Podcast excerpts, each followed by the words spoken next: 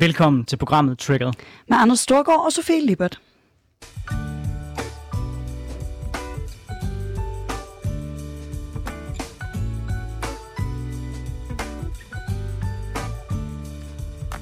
Så er vi tilbage i programmet, hvor vi vender ugens vigtigste politiske historier med gæster, der, gæster, der har skarpe holdninger, store visioner og markante meninger. Vi er selv vant til at deltage i den offentlige debat, som henholdsvis tidligere landsformand for konservative ungdom og tidligere landsforkvinde for SF Ungdom. Så hvis du havde forventet et program med neutrale værter, så er det for, det forkerte sted, du er tunet ind.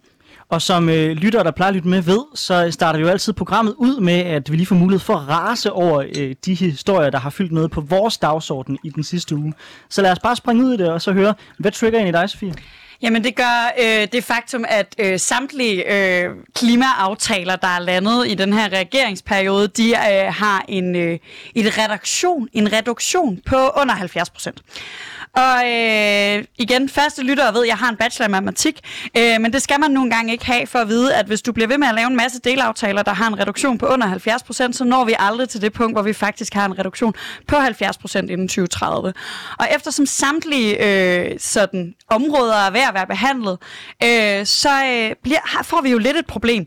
Fordi hvis det ikke er landbruget, der skal nå de 70%, og det ikke er transportsektoren, der skal nå de 70%, det er generelt ikke rigtig nogen sektorer, der skal nå de 70%, så er der et eller andet sted, som jeg, jeg har overset, der skal betydeligt over 70 procent, for at vi i sidste ende ender med 70 procent. Og der fik jeg virkelig sagt 70 procent mange gange. Men jeg tror bare, jeg er så sindssygt provokeret over, at man kan sætte sig et mål, og så indgå aftale på aftale på aftale, som når et eller andet sted mellem 50 og 65 procents reduktion. Og så bare sige, ja ja, vi er stadig på vej imod øh, det, vi har aftalt i klimaloven. Det er man ikke. Man er ikke på vej imod, og det er simpelthen ikke godt nok. Jeg er fuldstændig enig. Altså, det er lidt som om, at regeringen kører den der klassiske socialdemokratiske parole med, der kommer en god løsning i morgen. Øh, og det er typisk altid ikke inden for øh, den periode, vi er inde i nu. Det er gerne noget, hvor man skal stemme på dem igen næste gang, og så kommer alle de svære valg. Øh, det er ikke den måde, man, man når i mål. Men man dog give, give man credit. Der er trods alt sket noget i den her periode, og det er blevet mere ambitiøst. Men generelt set, så savner jeg jo, at der er flere partier, også på den borgerlige blok, der kan skubbe lidt mere til dem. Altså, fordi det er jo ikke, det er jo ikke sådan, at de behøves have nået 70% i 2025, men det kunne da i det mindste lige sådan mere præcist sige, hvordan de så er til sinde at nå vejen den. Ja, og der er jo også kommet den her nye plan fra Dan Jørgensen, vores klimaminister, øh, som indebærer øh, ikke er en plan for, hvordan vi når de 70 procent, men en plan for, hvornår vi skal beslutte, hvordan vi når de 70 procent. Og det er altså på alle måder, øh, synes jeg, enormt frustrerende at følge med i. Også fordi jeg... Øh, altså jeg føler sådan, jeg bliver så provokeret af det her med, at man, man er blevet enige om 70. Altså så skulle man jo bare have valgt et andet tal. Altså, så havde man ikke kunne gå ud, øh, så kunne Dan Jørgensen ikke sidde på CNN og sige, at vi i så også er ambitiøse, hvis man havde valgt et andet tal. Men det havde trods alt været øh, i overensstemmelse med de aftale, alle de aftaler, man sidenhen har indgået. Ja, og så er, det, så er det bare om at slå, slå en fast endnu en gang. Altså, godt nok synes vi selv, at 70%-målet, det er, det er ambitiøst. Det er det også. Men jeg synes nogle gange, vi glemmer at kigge ud over hvor, hvor, vores grænser. Altså Boris Johnson i UK, han siger 68 procent. Finland siger CO2-neutral i 2035, hvor vi siger 2050. Så jeg synes også lidt, der nogle gange går karakter af sådan en, ej, hvor er vi gode. Øh, vi er mest ambitiøse på en målstreg, vi selv har valgt. Øh, og måske ikke det der med at kigge lidt, lidt bredere ud. Vi er mest ambitiøse på en målstreg, vi ikke har valgt, og vi har indtil videre intet, eller vi selv har valgt, og vi har indtil videre intet gjort for rent faktisk at nå det mål. Men inden vi øh, får besøg af nogle gode gæster, så skal vi også lige vende. Anders, hvad trigger dig? Det, der trigger mig, det er, at der er ikke nogen politikere i det her land, der ikke siger, at de gerne vil have mindre byråkrati, men at vi konstant bliver med at falde i den samme mediefælde, der kun skaber én ting, nemlig mere byråkrati. Helt konkret, så er der øh, lige nu en sag, som kører, TV2 er bannerfører for den, som handler om at stille kamera op i ansigtet på samtlige øh, politikere til regionsrådsvalget, og så sige, vi har den her sag, hvor der er en læge, der har dobbeltudskrevet nogle regninger øh, på 7 millioner kroner, fordi han har rejst lidt rundt omkring øh, fra region til region. Vil I ikke indføre nogle kontrolmekanismer, der kan sikre, at det ikke kan ske? Og altså, man skal jo ikke være et kæmpe stort geni for at regne ud, at hvis man indfører endnu en omgang kontrol, der nu kommer til at gå, gå ud over alle praktiserende læger. Hvad er resultatet så? Jo, der bliver ansat nogle nye stillinger, ikke læger, men sådan nogle djøf-stillinger, som det jeg selv er ved at uddanne mig til. Øh, og det er nok den eneste ting, som bliver ved med at vokse i den, i den offentlige sektor, det er mængden af djøffer. Øh, og det skyldes jo grundlæggende, at der ikke er nogen politikere, der tør særligt op til et valg og stå, stå og sige, prøv at høre, jeg har ikke tænkt mig at gøre en skid ved det. Men til jer, der lytter med, så vil jeg bare sige, hvis I skal sætte jeres kryds et sted, så sæt jeres kryds på den politiker, der har mod til at kigge kameraet ind i øjnene og kigge på de der journalister og sige, jeg har ikke tænkt mig at gøre noget som helst ved det her. For virkeligheden er, at hvis jeg begynder at indføre mere byråkrati og flere regler på baggrund af det her, så betyder det kun én ting, og det er, at der kommer til at være færre folk, der rent faktisk kan tage sig af jer. Men det er der ikke nogen, der er været tør, fordi det hele bliver drevet frem af medierne. Ja, og det er jo en tendens, vi ser i, i hele det, den offentlige sektor, at hver gang der er et problem, så står der en journalist klar og siger, hvordan vil I løse det her problem, og så bliver løsningen altid mere kontrol. Altså, det, er jo, det er jo det, der har slagtet enormt mange af vores øh, sådan offentlige instanser. Det er jo derfor, at hjemmeplejen, øh, der var lige en sag i øh, Morgenradio P1, øh, morgen i morges, øh, som handlede om, om det her med, at at i Aarhus Kommune var den specifikke case, men jeg er sikker på, at det sker alle steder, at der har man grotesk mange forskellige øh, sådan hjemmehjælpere, øh, hvis man, man får hjælp. Øh, og der var nogen, der havde øh, haft besøg af 30 forskellige på to år. Og det skyldes jo, at man har lavet alle mulige kontrolregimer, alt muligt, der gør, at, at folk er sindssygt presset, og der er alle mulige mærkelige regler og ting, og så så mange minutter må du være hvert sted. Og for at det hele så kan gå op, så må, kan vi så ikke tage hensyn til, øh, hvad der menneskeligt giver bedst mening. Og det er jo, øh, altså, det er jo den helt klassiske med, at TV2 laver en dokumentarserie, og så kommer der handling fra politikerne, og den handling er altid mere byråkrati, og så kan det godt være, at der er flere og flere partier, der har en afbyråkratiseringsordfører, men det lykkes i hvert fald ikke ret godt. Præcis, og 7 millioner kroner i svindel er jo i det store billede enormt lidt. Altså, jeg forstår ikke, hvorfor medierne, de også kører den, den, den, den dagsorden. De burde jo i virkeligheden sige, okay, 7 millioner, Altså, hvis det sker, lad os sige, hver femte år, hvor, meget, hvor mange ekstra ansatte skal vi så ligesom hyre til at holde øje med, at det ikke sker igen? Altså, der, der er overhovedet ikke nogen proportioner i det. Øh, da jeg arbejdede som student med hjælp af Region Midtjylland, der kendte jeg også til en regel, der var blevet indført, fordi der var en, der var død for sådan noget øh, 15 år hvad siden. Så nu havde man indført en, en regel om, at alle øh, sygeplejersker skulle gennemtjekke på sådan et schema og skulle sørge for at krydse af, øh, fordi Gud forbyde, at der hver 50 år er en, der ender med at begå en eller anden fejl, som gør, at folk kommer til, til en skade. Men altså prøv at høre, fejlen, fejlen ved at indføre mere byråkrati, den slår væsentligt flere ihjel. For det gør, at der er færre sygeplejersker til rent faktisk at gøre det, som sygeplejerskerne burde gøre. Og reaktionen på sådan en sag som den her, nu siger du altså 7 millioner er ikke så meget. Reaktionen på sådan en sag som den her skal jo bare være at, at sørge for, at der er en instans, der, der, der øh, reagerer på den her konkrete case, og sørge for, at han bliver straffet, og sørge for, at han ikke kan fortsætte som læge, og sørge for, at øh, han skal betale tilbage. Og det skal jo ikke være alle de her øh, vilde kontrolinstanser. Nej, præcis. præcis. Fratag ham hans bestilling. Øh, sikker, sikker, at der bliver givet en bøde, der er så stor, at han ikke har lyst til at gøre det igen, og, han, og det kan afskrække andre folk for at gøre noget lignende. Og så grundlæggende lade være med at begynde at jagte helt almindelige læger, hvor langt de fleste jo faktisk godt kan finde ud af at passe deres job uden at snyde. Ja, velkommen øh, til, til, til, til Triggered. Øh, vi har nu fået besøg af to gæster i vores studie. Øh, Sille Hal Eholm, øh, du er tidligere formand for KSKU, så er du kandidat til kommunalbestyrelsen for Anders Svær KSKU. Undskyld.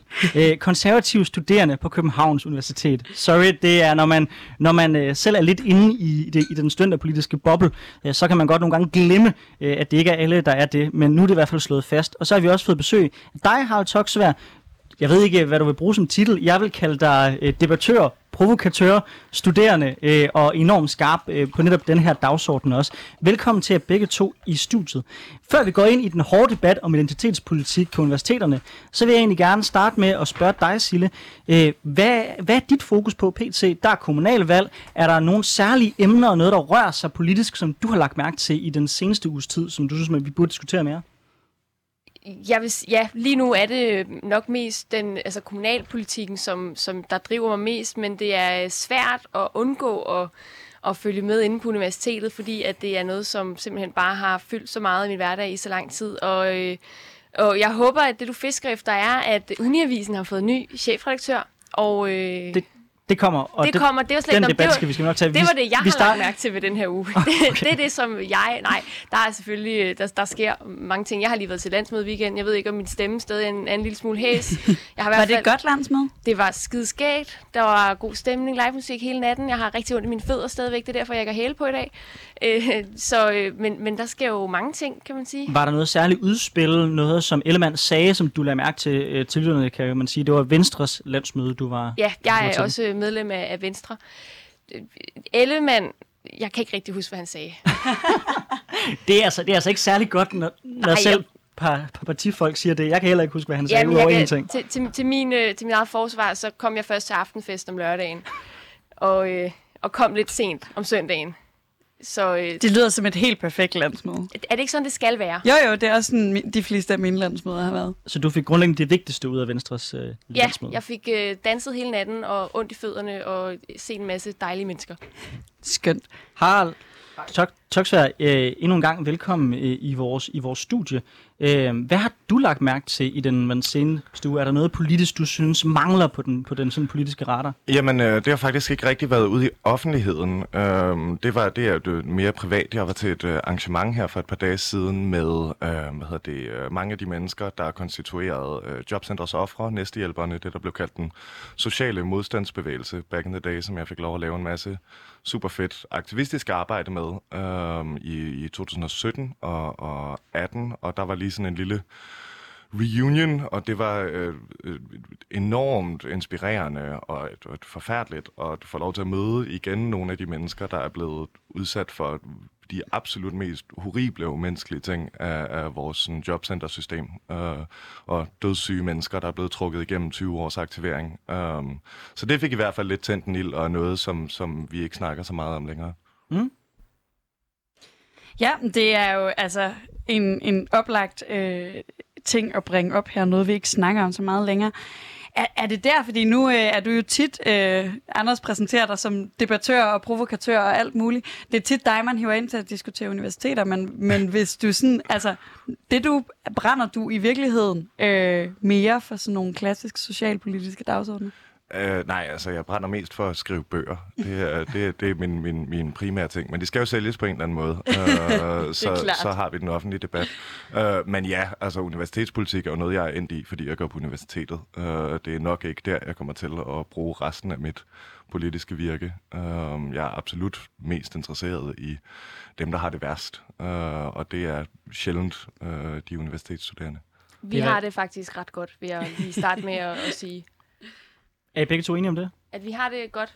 Altså, jeg har det sådan lidt, lidt halvdårligt i dag, men det er nok tømmermændene. Men derudover, så altså, er vi absolut i blandt de mere privilegerede klasser i landet. Helt enig. Og jobcentrene er også noget lort. For det meste. Det er helt fantastisk, kunne hvis jeg- vi bare lige kan få lavet sådan en, en fælles... Vi går alle fire på universitetet. Jeg tror endda, vi alle fire går på Københavns Universitet. Vi har det alle sammen meget godt. Jobcentrene er lort. Mm. Altså, det, altså, det synes jeg er et fedt uden- grundlag. Uden vi, uden vi sådan skal gå ind i en længere debat om jobcentrene, så kunne jeg egentlig godt tænke mig at høre dig, Sille. Altså, øh, hvad er din løsning så? Fordi jeg kunne forestille mig, at det er en anden end den, som Harald ønsker i forhold til jobcentrene. Jeg synes, vi skal bruge det, det private øh, mere. Vi skal bruge nogle de socialøkonomiske virksomheder mere. Vi skal anerkende, at jobcentret sjældent kan, kan hjælpe mennesker, men at det er der måske nogle øh, private virksomheder i lokalområderne, noget, øh, del, som er en del af civilsamfundet, som kender borgerne, som kender udfordringerne, og, og dem skal vi øh, lade varetage mange flere opgaver, og så skal vi måske også være bedre til at anerkende, at nogle mennesker ikke kan arbejde. Og hvis de ikke kan arbejde, skal de selvfølgelig ikke ryge ud i ressourceforløb, ressourceforløb, bla bla bla hele tiden. Og øh, hvis de så måske kan arbejde en lille smule, så skal vi være bedre til at lave nogle mere fleksible kasser, i stedet for at øh, enten så kan du arbejde fuldtid, eller så kan du slet ikke arbejde, så smider vi det ud i alt muligt. Hvis man kan arbejde to timer om ugen, er det sgu da mega fedt, og det er mere end ingenting. Hvis man ikke kan, så skal man ikke. Øh, jamen, vi er jo lidt meget langt, langt hen ad vejen enige. Det er simpelthen så dejligt. Altså, vi får lagt en, en, en god grobund for enighed i dag. Øhm, altså, det er, det er jo lige omkring det private og sådan noget er en længere diskussion, øh, men, men jeg er fuldstændig enig i, at øh, et af de mest centrale problemer er en lovgivning og nogle hvad hedder det, sagsbehandlerstaber, der ikke ligesom arbejder ud fra ideen om, at der er folk, der ikke kan arbejde. Øhm, særligt en masse dødssyge mennesker, som bliver trukket igennem det her system og bliver spildt en masse ressourcer på, Og bliver Og- mere syge af det. og bliver mere syge og rigtig ofte dør af det. Um, Du lytter til Triggeret med Anders Storgård og Sofie Lippert, og i dag der har vi besøg af Sille Hal Eholm og Harald Toksvær. Ja, og det vi skal diskutere i dag, det er netop, som Sille også næsten fik kastet ind på, på, på en bane, det er spørgsmålet om identitetspolitik på universiteterne. For Uneavisen på Københavns Universitet har nemlig fået en ny chefredaktør. Valget det er faldet på Vicky Takkelsen, der tidligere har arbejdet som pressechef for Alternativet og ved DR og TV2. Hun har også studeret feministisk filosofi på det amerikanske universitet Berkeley.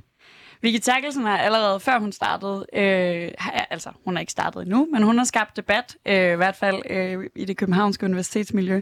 Til Univervisen, der har hun øh, udtalt, det identitetspolitiske stof er et område, som med rette har fundet sin plads på universiteterne. Sådan skal det også være. Men igen er det et område, hvor der eksisterer en del viden, som næsten er fraværende i den offentlige debat. Og den udmelding, den har allerede nu fået flere borgerlige op af stolen, der frygter, at Uniavisen nu vil blive spydspids i det, der ses som en amerikansk inspireret identitetspolitisk bølge, der vil skylle ind over Danmark. Og det er desværre ikke første gang, de borgerlige de er kommet op af stolen over det her. Sidste september, der var der 12 danske forskere, der slog alarm over det. Øh, det de så som var et stigende pres øh, på forskningsfriheden og universiteterne. De her forskere, de mente, at det var en reel risiko for, at den frie forskning vil forsvinde, hvis ikke der bliver handlet nu. Så er den frie forskning under pres, bliver borgerlige stemmer fortrængt fra universiteterne, der i stigende grad fungerer som et aktivistisk talerør for marxistisk feminisme. Eller ser de borgerlige spøgelser, er der i virkeligheden en langt større fare ved, at borgerlige politikere bruger Fata Morgana af identitetspolitik til selv at lukke munden på forskning, de er uenige med. Vi tager debatten nu på triggeret. Sille Eholm, du er selv studerende på KU Borgerlig, og så har du ofte markeret dig i debatten om feminisme og identitetspolitik. Hvordan reagerede du på nyheden om universitetets nye, nye øh, redaktør? Jamen, jeg, øh, jeg, jeg scrollede lidt på, på Facebook, og så kunne jeg se, at der var, en, øh, der var kommet en ny chefredaktør. I starten så læser man jo, at okay, alternativ feministisk filosofi, og det tænker jeg, okay, fair enough. Der er, hun er måske en lille smule venstredraget, men det er jo ikke nødvendigvis et problem, fordi at, øh, det, er også bare fedt, at folk de, ved en masse ting.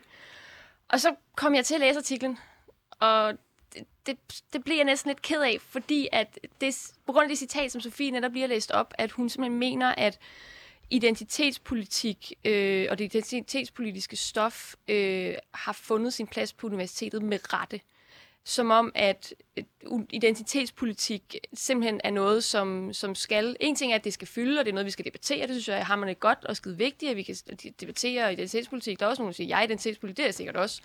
Men hvis det er, at der nu er kommet en chefredaktør på Uniavisen, som jeg er skidehamrende glad for. Jeg elsker Uniavisen. Jeg er så glad for, at det er en, en avis, hvor at vi kan diskutere de her emner og identitetspolitik og være uenige, men at der aldrig er noget sådan rigtigt eller forkert, fordi det bare er holdninger.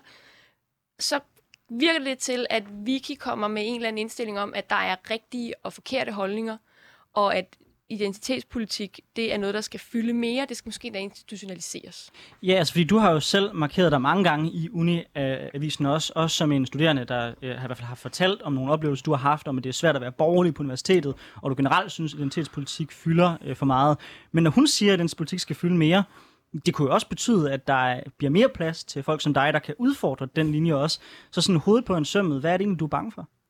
Jeg er bange for, at øh, der har, okay, der har, det er svært at være borgerlig på Københavns Universitet, især på det samfundsvidenskabelige fakultet, øh, hvor at, at jeg studerer. Og det er en ting. Øhm, noget andet er, at det, indtil nu har det ikke været svært at være borgerlig i undervisen. Det har ikke været svært at komme med sine holdninger. Det har ikke været svært at have de her debatter. Det kan jeg være bekymret for, at det, der kommer til at ske nu, fordi at hun øhm, i hvert fald virker til at, øh, at synes, at identitetspolitik som så, det kan godt være, at det er bare mig, der læser for meget ind i det, men den her venstreorienterede øh, identitetspolitik, hvor at der skal være safe spaces, wokeism, alt muligt, at det, som kommer til at, at fylde, det er det, der kommer til at være det objektivt sande, i hvert fald i hendes verden, og derfor så kan det være, at det nu også bliver svært at være borgerlig i uniavisen. Jeg vil bare lige opklare til, fordi nu er vi jo øh, fire studerende på Københavns Universitet i det her øh, studie. Jeg er meget ny studerende på Københavns Universitet. Jeg plejede at gå på Aarhus Universitet. Der hedder Uniavisen Omnibus. Øh, men Uniavisen er altså... Øh, jeg vil ikke kalde det et skoleblad, men, men en, en avis øh, henvendt til øh, studerende øh, på Københavns Universitet. Men fordi Københavns Universitet er så stort, så er det et en relativt stort medie, øh, sådan i forhold til, hvad man normalt ville tænke, øh, hvis jeg sagde skoleblad. Og Uniavisen er jo også uaf, et uafhængigt medie. Ja. Det er der, hvor man kan kritisere ledelsen, det er der, hvor man kan kritisere forskere, det er der, hvor vi kan kritisere hinanden, men alligevel på en eller anden måde kunne mødes i en eller anden fælles dialog og, og blive klogere.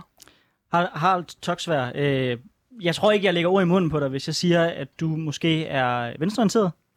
Det kan vi godt sige. Hvis der var kommet en ny redaktør på Univisen, som havde, som havde sagt, øh, jeg synes, det er vigtigt, at vi får øh, sat et større fokus øh, på, hvad kan man sige, borgerlige mærkesager, markedsøkonomi, øh, og hvorfor at, øh, at staten ikke er løsningen på vores problemer.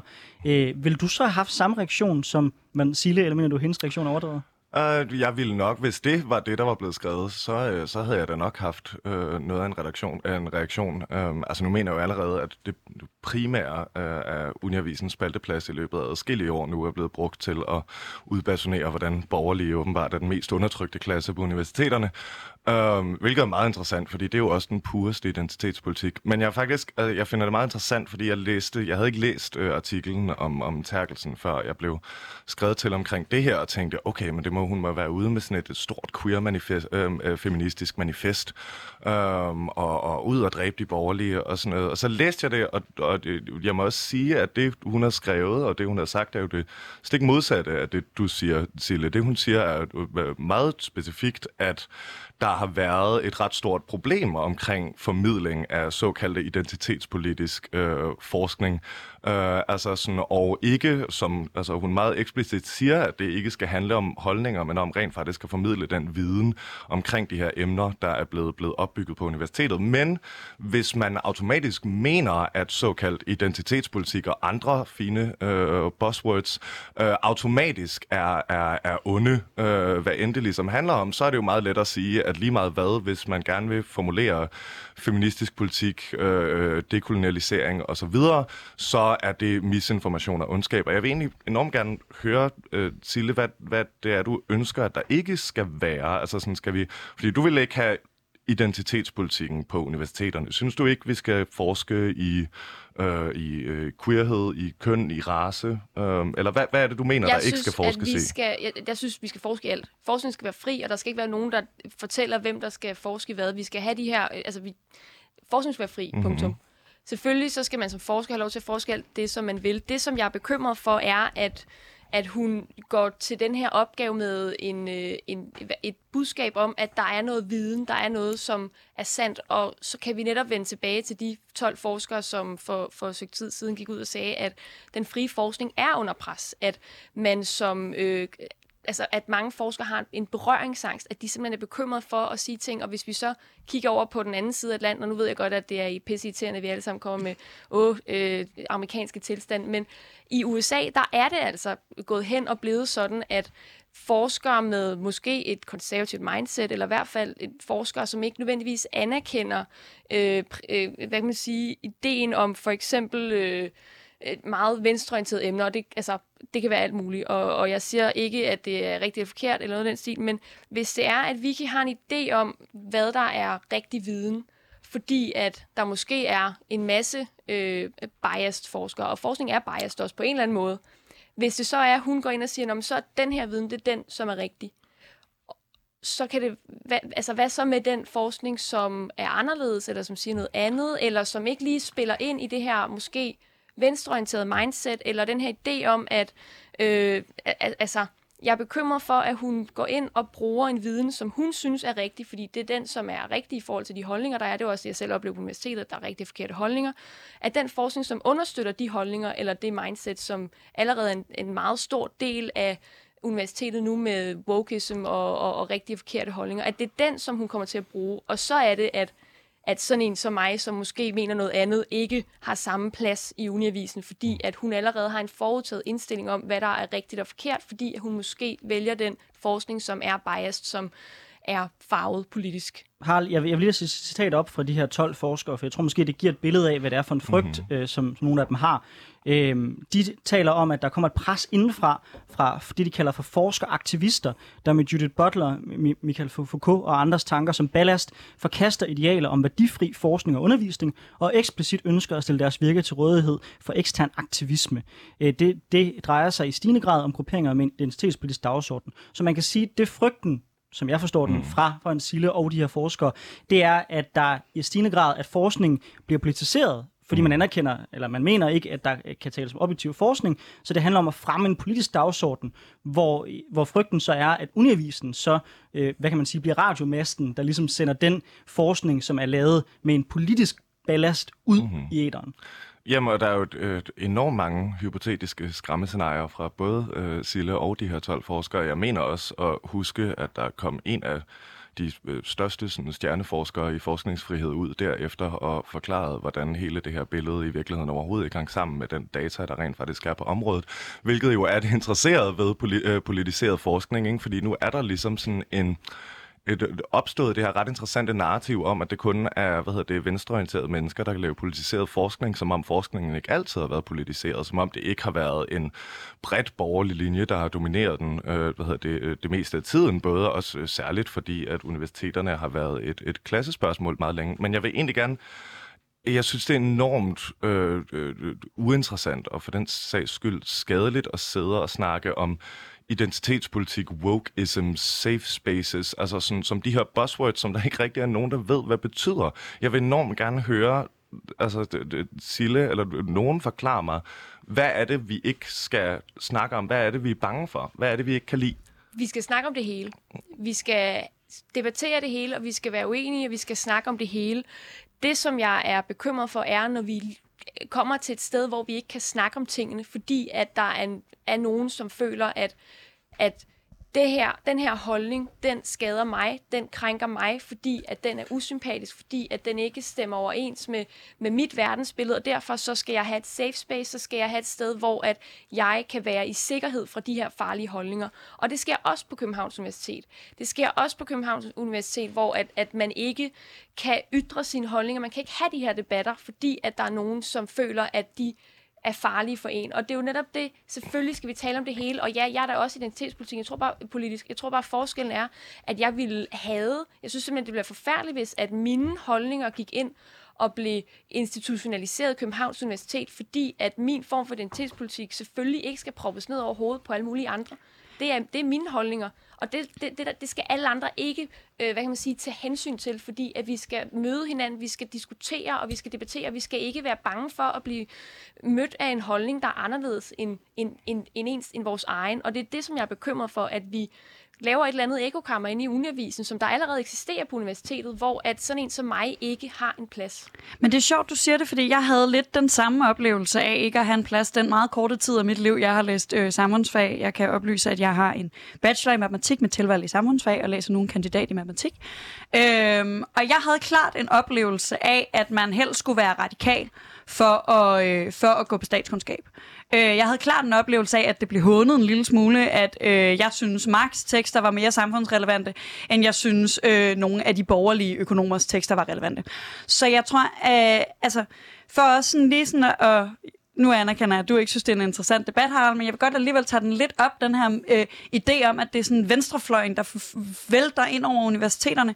Jeg tror, jeg tror, I overvurderer, hvor nice det er at være venstreorienteret i det lokale. Altså, jeg tror, I overvurderer, hvor fedt vi har det. Fordi øh, det er rimelig fedt at være venstreorienteret på matematik, for der er ikke nogen, der nogensinde snakker om politik. Øh, men, men hvor fedt det er at være venstreorienteret på statskundskab, det tror jeg ikke er så nice, som, som I måske lige går og føler, det er. Altså på Københavns Universitet, der vil jeg sige, ja, der er mange, der er radikale, men der, det er, der er mindst lige så mange, der stemmer enhedslisten. Og hvis du ser samlet, så begynder vi efterhånden at have en øh, fordeling, der hedder, der hedder cirka 75-25 i forhold til blokfordelingen på Men, langt de fleste ud, uddannelser, så der er jo en form for skævvridning. Men jeg vil lige svare Harald ja. på, ma, på det her. Ma, ma, fordi der er altså forskel på, om det er fordi de studerende har en politisk holdning, eller om det er fordi det er det, der bliver undervist i. Nå, og, der, jo, og jeg vil, altså, jo, jo, men, det men, bliver, det vil sige, da jeg, første semester, da jeg var på, på statskundskab, der havde jeg en underviser, som fortalte os, at når vi skulle til valg, så skulle vi huske at stemme rigtigt, og det var på radikale. Ligesom at vi, altså, så, så ja. Men de er jo ikke venstreorienterede der, det, det, det tror jeg, Silla og jeg vil, ja. vil mene. Men det er vist en debat, det er tage en anden gang. Men, men ja, selvfølgelig, statskundskab er et studie, hvor at, at, at, altså, vi læser politisk videnskab. Vi er politiske. Og vi har politiske debatter i frokostpauserne og i alt muligt andet, og det fylder også noget i undervisning. Problemet er, når det er, at vi for eksempel sidder og har en diskussion i politisk teori eller dansk komparativ politik, hvor at de tre borgerlige, der sidder over i hjørnet, som ikke tør at sige, hvad de tænker, eller ikke tør at, at understøtte en eller anden teori eller tankegang, fordi at de bare ved, at der bliver hatet på dem. Og det har jeg også oplevet i klasseværelset, at vi har siddet og talt om en eller anden øh, feministisk sag fra USA, og så er der en af de konservative, som har sagt, hov, men kunne det ikke også være sådan her? Og så er bare blevet rakket ned af alle de der, venstre, også venstreorienterede og radikale og alt muligt andet. Så det er jo også det, hvis vi har et, et studiemiljø, hvor man ikke engang kan sige, hvad man tænker, eller hvad man mener i undervisningsregi. Det er jo ikke engang i frokostpausen, det her. Det var det til undervisning, at man som borgerlig ikke tør at sige det, man tænker eller mener om en specifik teori eller, eller et emne. Så har vi da et gigantisk problem. Og hvis det er, det er også fedt ind i uniavisen. Hvis vi ikke engang kan debattere der, hvad gør vi så? Hvor, altså, skal vi så bare være her i Radio Loud, hvor at, at, at, altså, er det det eneste sted, hvor vi så kan have de her debatter? Jeg er, jeg er enormt glad for, at du mener Radio Loud, det er sådan et safe space, hvor vi kan have de her debatter. Det er ikke et safe space, det er bare et, et Ja. space, Men, hvor vi kan være. Men Harald, øh, jeg vil, jeg vil faktisk gerne svare på de, på, på de spørgsmål om, hvad betyder det her i praksis? Mm-hmm. Sådan en helt konkret case, den bedste vi har haft i Danmark, hvis spørger mig, det er, det er Ole Vedel. Ja. Han, øh, han har jo grundlæggende lavet noget forskning, som handler om, hvordan politikere forsøger at gøre ting til spørgsmål om sikkerhed, øh, for ligesom i hans optik, øh, og ligesom, øh, hvad kan man sige, politisere emner, øh, egentlig faktisk en ret venstreorienteret analyse. Jeg tror, hvis du placerede ham på politisk spektrum, ville du nok sige, at han var SF'er. Han siger selv, at han er venstreorienteret. Han blev, han blev udsat for en, øh, for en storm, hvor han blev angrebet af en storm af forskere, som begyndte at, at sige, okay, du, øh, du øh, refererer til nogle forskere, der refererer til nogle forskere, som var racister. Ergo er du guilty by association. I øvrigt så er du en hvid mand, du er en ældre herre, und so weiter, og som basically prøvede at delegitimere ham på baggrund af hans baggrund, og sådan guilty by association gennem flere kilder. Øh, er du ikke bekymret for, at det begynder at blive mere normalen i øh, den danske forskningsverden? For det er jo det, Sille og jeg er bange for. Det er, at pludselig så begynder det at blive sådan et forsøg, ikke på at diskutere, hvorvidt der er belæg i ens forskning, men hvorvidt man ligesom kan angribe øh, forskers øh, per- personlige baggrund og Men- holdninger. Men det var jo ikke, det var ikke danske forskere, det var nogle udenlandske forskere, der skrev om Ole Vedel, og jeg er ret sikker på, at 99,9 procent af al mediedækning herhjemme handlede om, hvor langt ude det var, og hvor fed Ole Vedel var. Uh, og jeg mener også, at den sag er, er, er, er, er mærkelig, Men det er og det er en dårlig det er kritik. udenlandske forskere, fordi at som dansk forsker skal Jamen, nu man jo snakker vi ud i om, nu snakker vi jo, medier. men nu snakker vi om, hvordan sådan, forskningsmiljøet på Københavns Universitet er, ikke? Uh, og vi snakker også om, hvordan pressen uh, hvad hedder det, uh, fungerer sammen med, med universiteterne. Og her blev Ole Vedel jo forsvaret til døde af både Uniavisen og de venstre, venstredrejede blade. Um, og jeg synes også, det er en mærkelig sag. Det er sådan med alle politiske sager øh, og alle fløje, at der er nogle folk, der tager fejl en gang imellem. Øh, og de blev så heldigvis også meget åbent kritiseret til døde, og vi havde en, en, en lang og kompleks debat om det, næsten som om vi faktisk godt kan tage de her debatter. Og jeg kan ikke lade være med at tænke på, at der opstår sådan et utroligt mærkeligt offerkompleks på den borgerlige fløj, når det kommer til de her ting. Også i forhold til det, du sagde, Sofie. Altså sådan, som om, at du ved, altså sådan, at det handler rigtig meget om, at der er ikke andre mennesker, der må, der må tænke på sig selv som, som ofre for for eksempel undertrykkelse, fordi det er også de borgerlige på universiteterne, der er de rigtige ofre. Jeg oplever, har øh, faktisk også ofte oplevet at, at rende ind i visse borgerlige stemmer på universitetet, der bliver enormt kede af, at jeg ikke øh, har lyst til at stå til en fredagsbar og, hvad hedder det, og debattere om transkønnet skal have lov til at eksistere en time.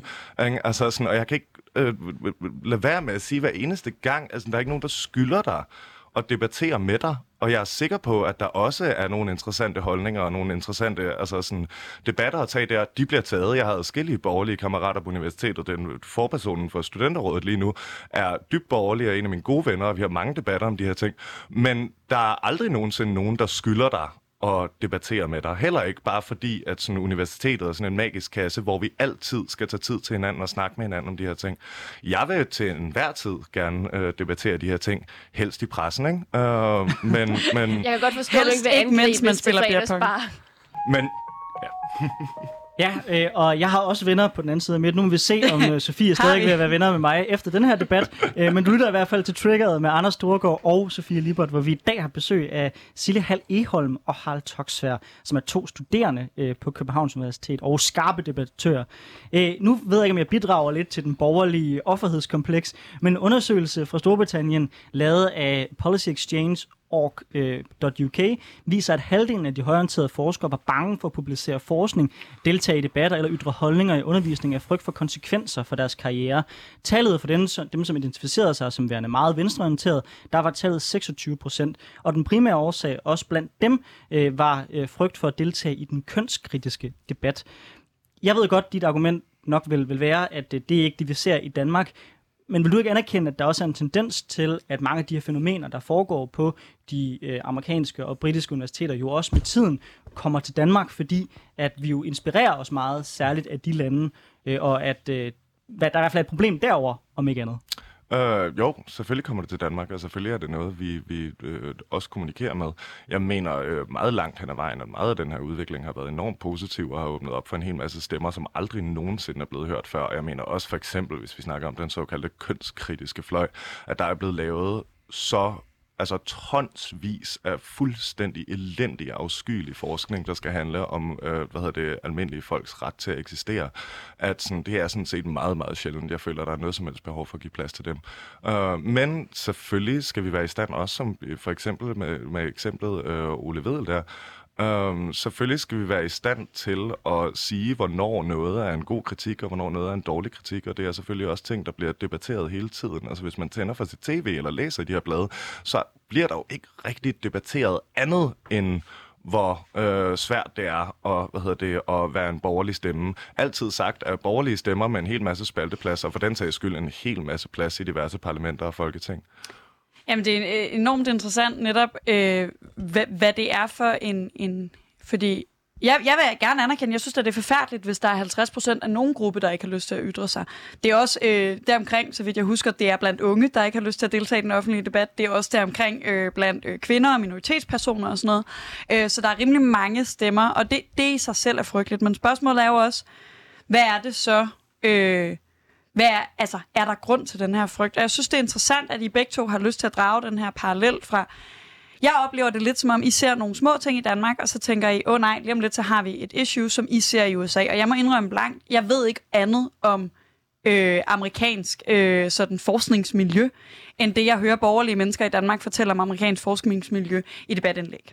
Og det gør også debatten enormt svær øh, at have, fordi jeg ved ikke, hvor ægte det er. Jeg ved, det er nogen, der har den opfattelse, og den er meget øh, fjerdehåndsagtig for mig.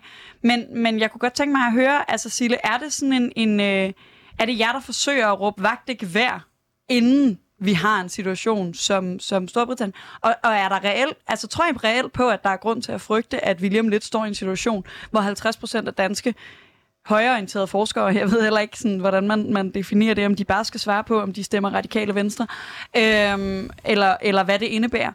Øhm, men, men er det, altså, tror du reelt, fordi du, det kan du godt høre, jeg ikke gør, på, at, at lige om lidt, så har vi en tilstand, hvor øh, halvdelen af borgerlige forskere ikke tør udtale sig, fordi jeg er meget enig med Harald, jeg synes, de udtaler sig ok meget. Ja, jeg er reelt bekymret, og, øh, og selvfølgelig så er jeg da super glad for, at vi lige nu ikke har amerikanske tilstande, at vi lige nu stadig har mulighed for at have øh, debatter på kryds og tværs, og at der øh, fortsat, i hvert fald øh, for de fleste, øh, borgerlige forskere, eller i hvert fald forskere, som måske øh, hælder en lille smule mere til højre end til venstre, at de i hvert fald i, i langt øh, størstedelen af tiden godt tør at udtale sig og godt tør at, at, at kritisere de man sige, normale strøm, eller de venstreorienterede strømninger, der er. Men en ting er at læse det, som, øh, som borgerlige forskere skriver i Berlingske alle mulige andre steder. Noget andet er også at, man, altså, at, at prøve at sætte sig ned og følge med i nogle af de ting, der sker i USA, og, og prøve at læse nogle af de bøger, der er skrevet om det, også fra ikke borgerlige øh, forskerpersoner. Jeg kan blandt andet anbefale The Cuddling of the American Mind. Jeg kan ikke huske navnet på dem, der har skrevet det. øh, men den er super god, og også er skrevet af to altså, øh, liberals, altså øh, folk, der stemmer øh, demokrater, øh, demokratisk i USA, som også øh, hvad man siger, illustrerer den her øh, Øh, problematik, som er, er ved at starte. Så ja, jeg synes, at det er fair at råbe vagt i gevær, og jeg synes også, at det er jeg, jeg synes ikke, det er en, en, en offer. Øh, altså, jeg synes ikke, jeg offergør mig selv på en eller anden måde selvfølgelig er jeg bekymret, og selvfølgelig så er det da også frustrerende for mig, at jeg i hvert fald øh, i mange tilfælde øh, føler, at jeg skal øh, lægge lidt låg på mig selv inde på universitetet, fordi jeg godt ved, hvis jeg siger noget, som øh, 90 procent øh, af dem, der sidder i klasseværelset er uenige i, så kan jeg godt øh, risikere, at der bliver slået lidt ned på mig. Og, øh, og det er selvfølgelig ikke super nice, men, og, og, og det er også, nu ved jeg ikke, om, om det er nu, jeg godt må sige det, men jeg synes fandme, vi skal, vi skal overveje de her Chicago-principper fordi at de netop, øh, hvad kan man sige, beskytter alle holdninger. De beskytter alle øh, mennesker, som skulle have noget at skulle sagt. De sørger for, at forskningen er fri. De sørger for, at alle forskere og studerende og alle mulige andre har noget at, at leve op til i forhold til de her principper, så det er, at vi forhåbentlig slet ikke ender ud i nogle af de amerikanske tilstande igen.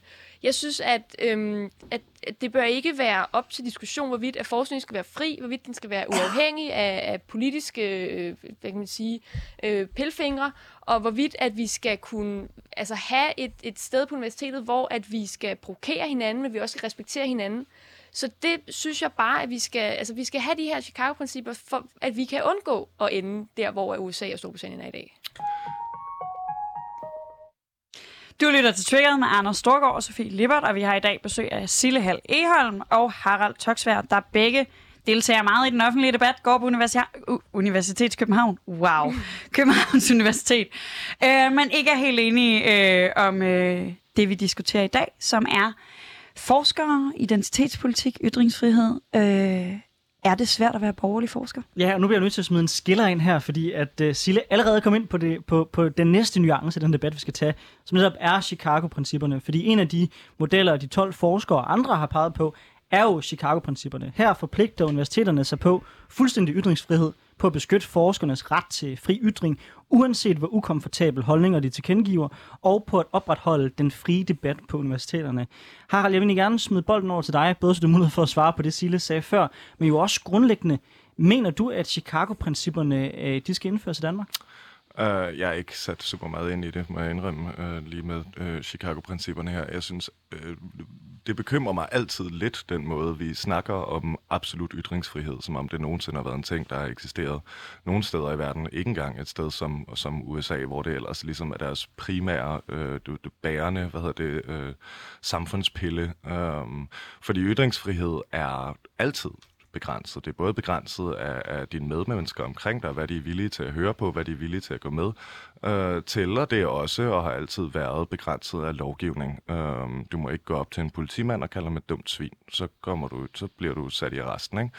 Øh, jeg øh, synes, det er en, en super fin idé at, og, og, hvad hedder det, at udbygge nogle principper omkring universiteterne, der sikrer den frie forskning. For eksempel sådan, så at afdankede sociologer som Henrik Dahl ikke kan komme ud og råbe vagt i gevær over en masse artikler, som man ikke har læst. Ikke?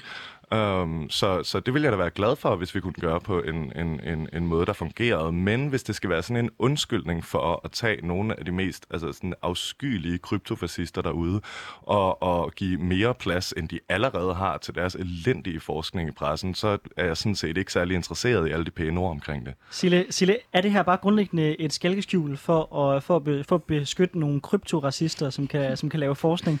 Nej, jeg vil sige, det som jeg primært ser som en fordel ved at indføre Chicago-principperne, er, at man selvfølgelig gør plads til ytringer, og selvfølgelig skal man overholde loven, man må ikke være racistisk for eksempel, men også at det gør plads til, at man kan udstille og kritisere de her øh, fucked up udtalelser, eller øh, hammerne, øh, hvad man sige, nedgørende eller respektløse udtalelser.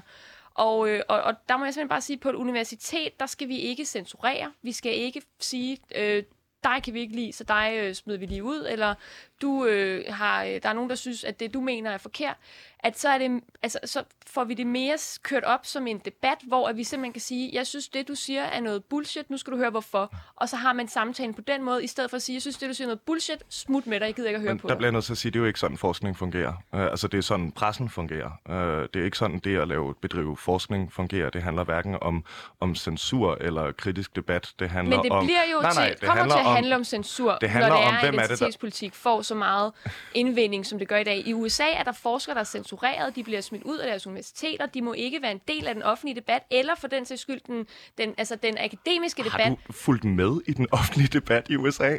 Det er så dybt højre radikalt. Altså, de har lige haft en vaskeægte kryptofascist på præsident, præsidentposten. Det er også skide polariseret. Det er slet ikke det, men altså, sådan, der er så meget plads til de her stemmer. Spørgsmålet er... Men det er der ikke på at der- universiteterne, for selv en, en, en Men- folkevalgt men- præsident er jo blevet, hvad kan man sige, cancelled, har ikke fået lov til at komme ind på, på universiteter og holde taler, for eksempel, fordi at der har været studerende, der har demonstreret, fordi der er studerende, som ikke har ville give plads til folkevalgte præsidenter eller forskere med andre synspunkter end dem, som de mener er de rigtige.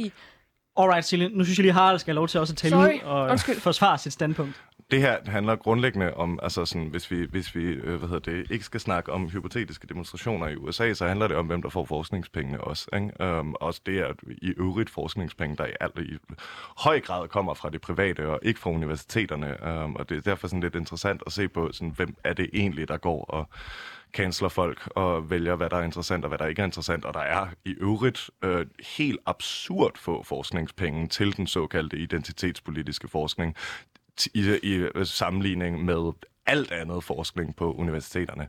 Um, og jeg synes, det er sindssygt vigtigt, at vi lige præcis for eksempel kan sige til en amerikansk præsident, eller for den sags skyld en dansk statsminister, vi er ikke interesseret i, hvad du har at sige.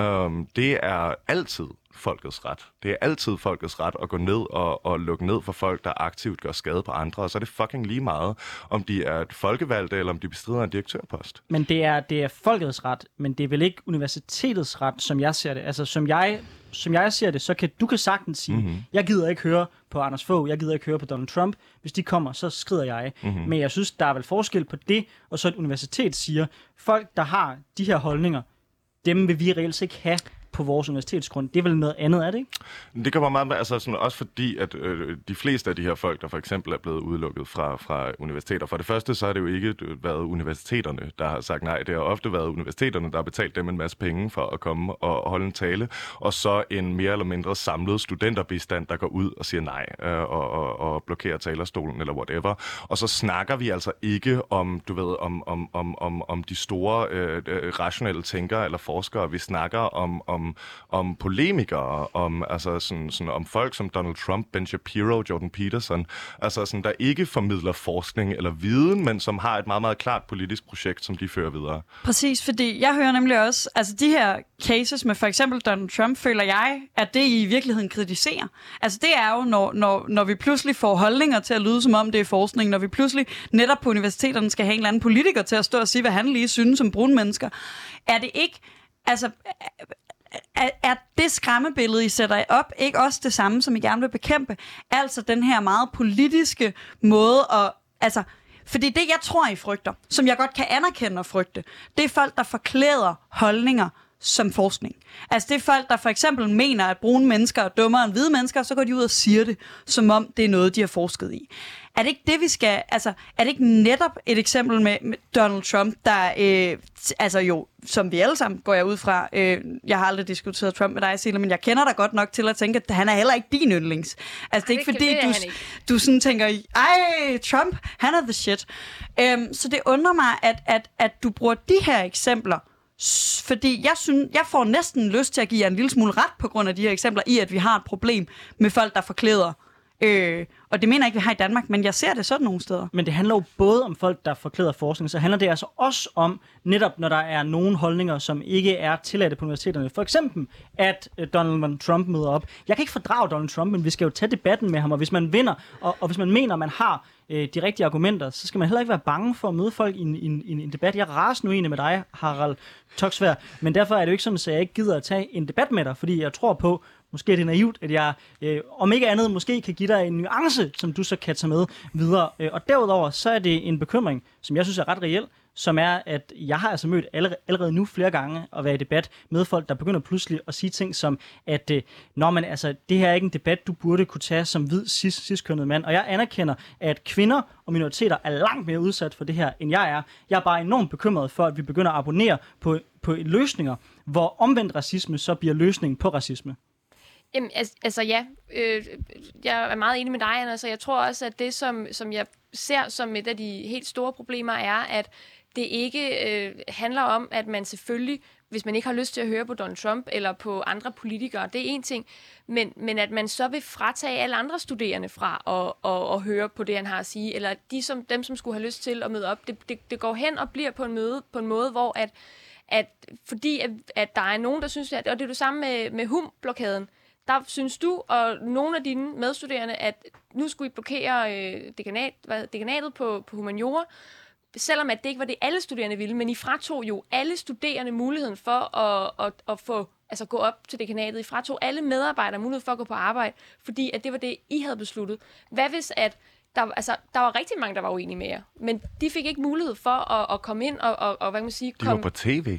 Hvem var på tv? Det er dem, der var uenige med os. Ja, præcis. Ja, og Men- i pressen. Og, og dem, der var uenige med jer, de, de havde jo ikke mulighed for at gøre den her blokade om. Dem, der var uenige med, hvorvidt at Donald Trump skulle have en eller anden øh, talestol, eller hvorvidt en anden forsker, bla bla bla, skulle have en talestol, de har jo ikke noget at skulle have sagt, fordi der måske er en lille gruppe af studerende, som har så meget gennemslagskraft, at det går ud over alle. Og Jeg- det synes jeg er rigtig ærgerligt.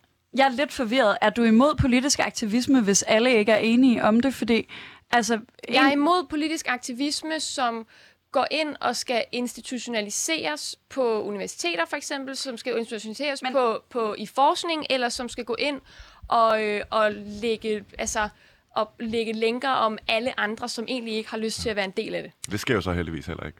Nej, fordi den humblokade, nu igen, det bliver meget københavner, øh, vil du ikke være den, der forklarer, hvad var det, I gjorde? Åh øh, oh gud, det er en meget lang historie. La- der var et En problem. meget kort version af, øh, der det, I blev gjorde. udlagt en målplan af dekanatet, som havde øh, planer for at, at, at nedlægge og sammenlægge en lang række fag på humaniora, øh, og øh, dekanen var ikke villig til at øh, hvad hedder det, øh, snakke med og forhandle med omkring den her målplan øh, med øh, hvad hedder det, øh, de organer, der repræsenterer de studerende, om man vil det eller ej.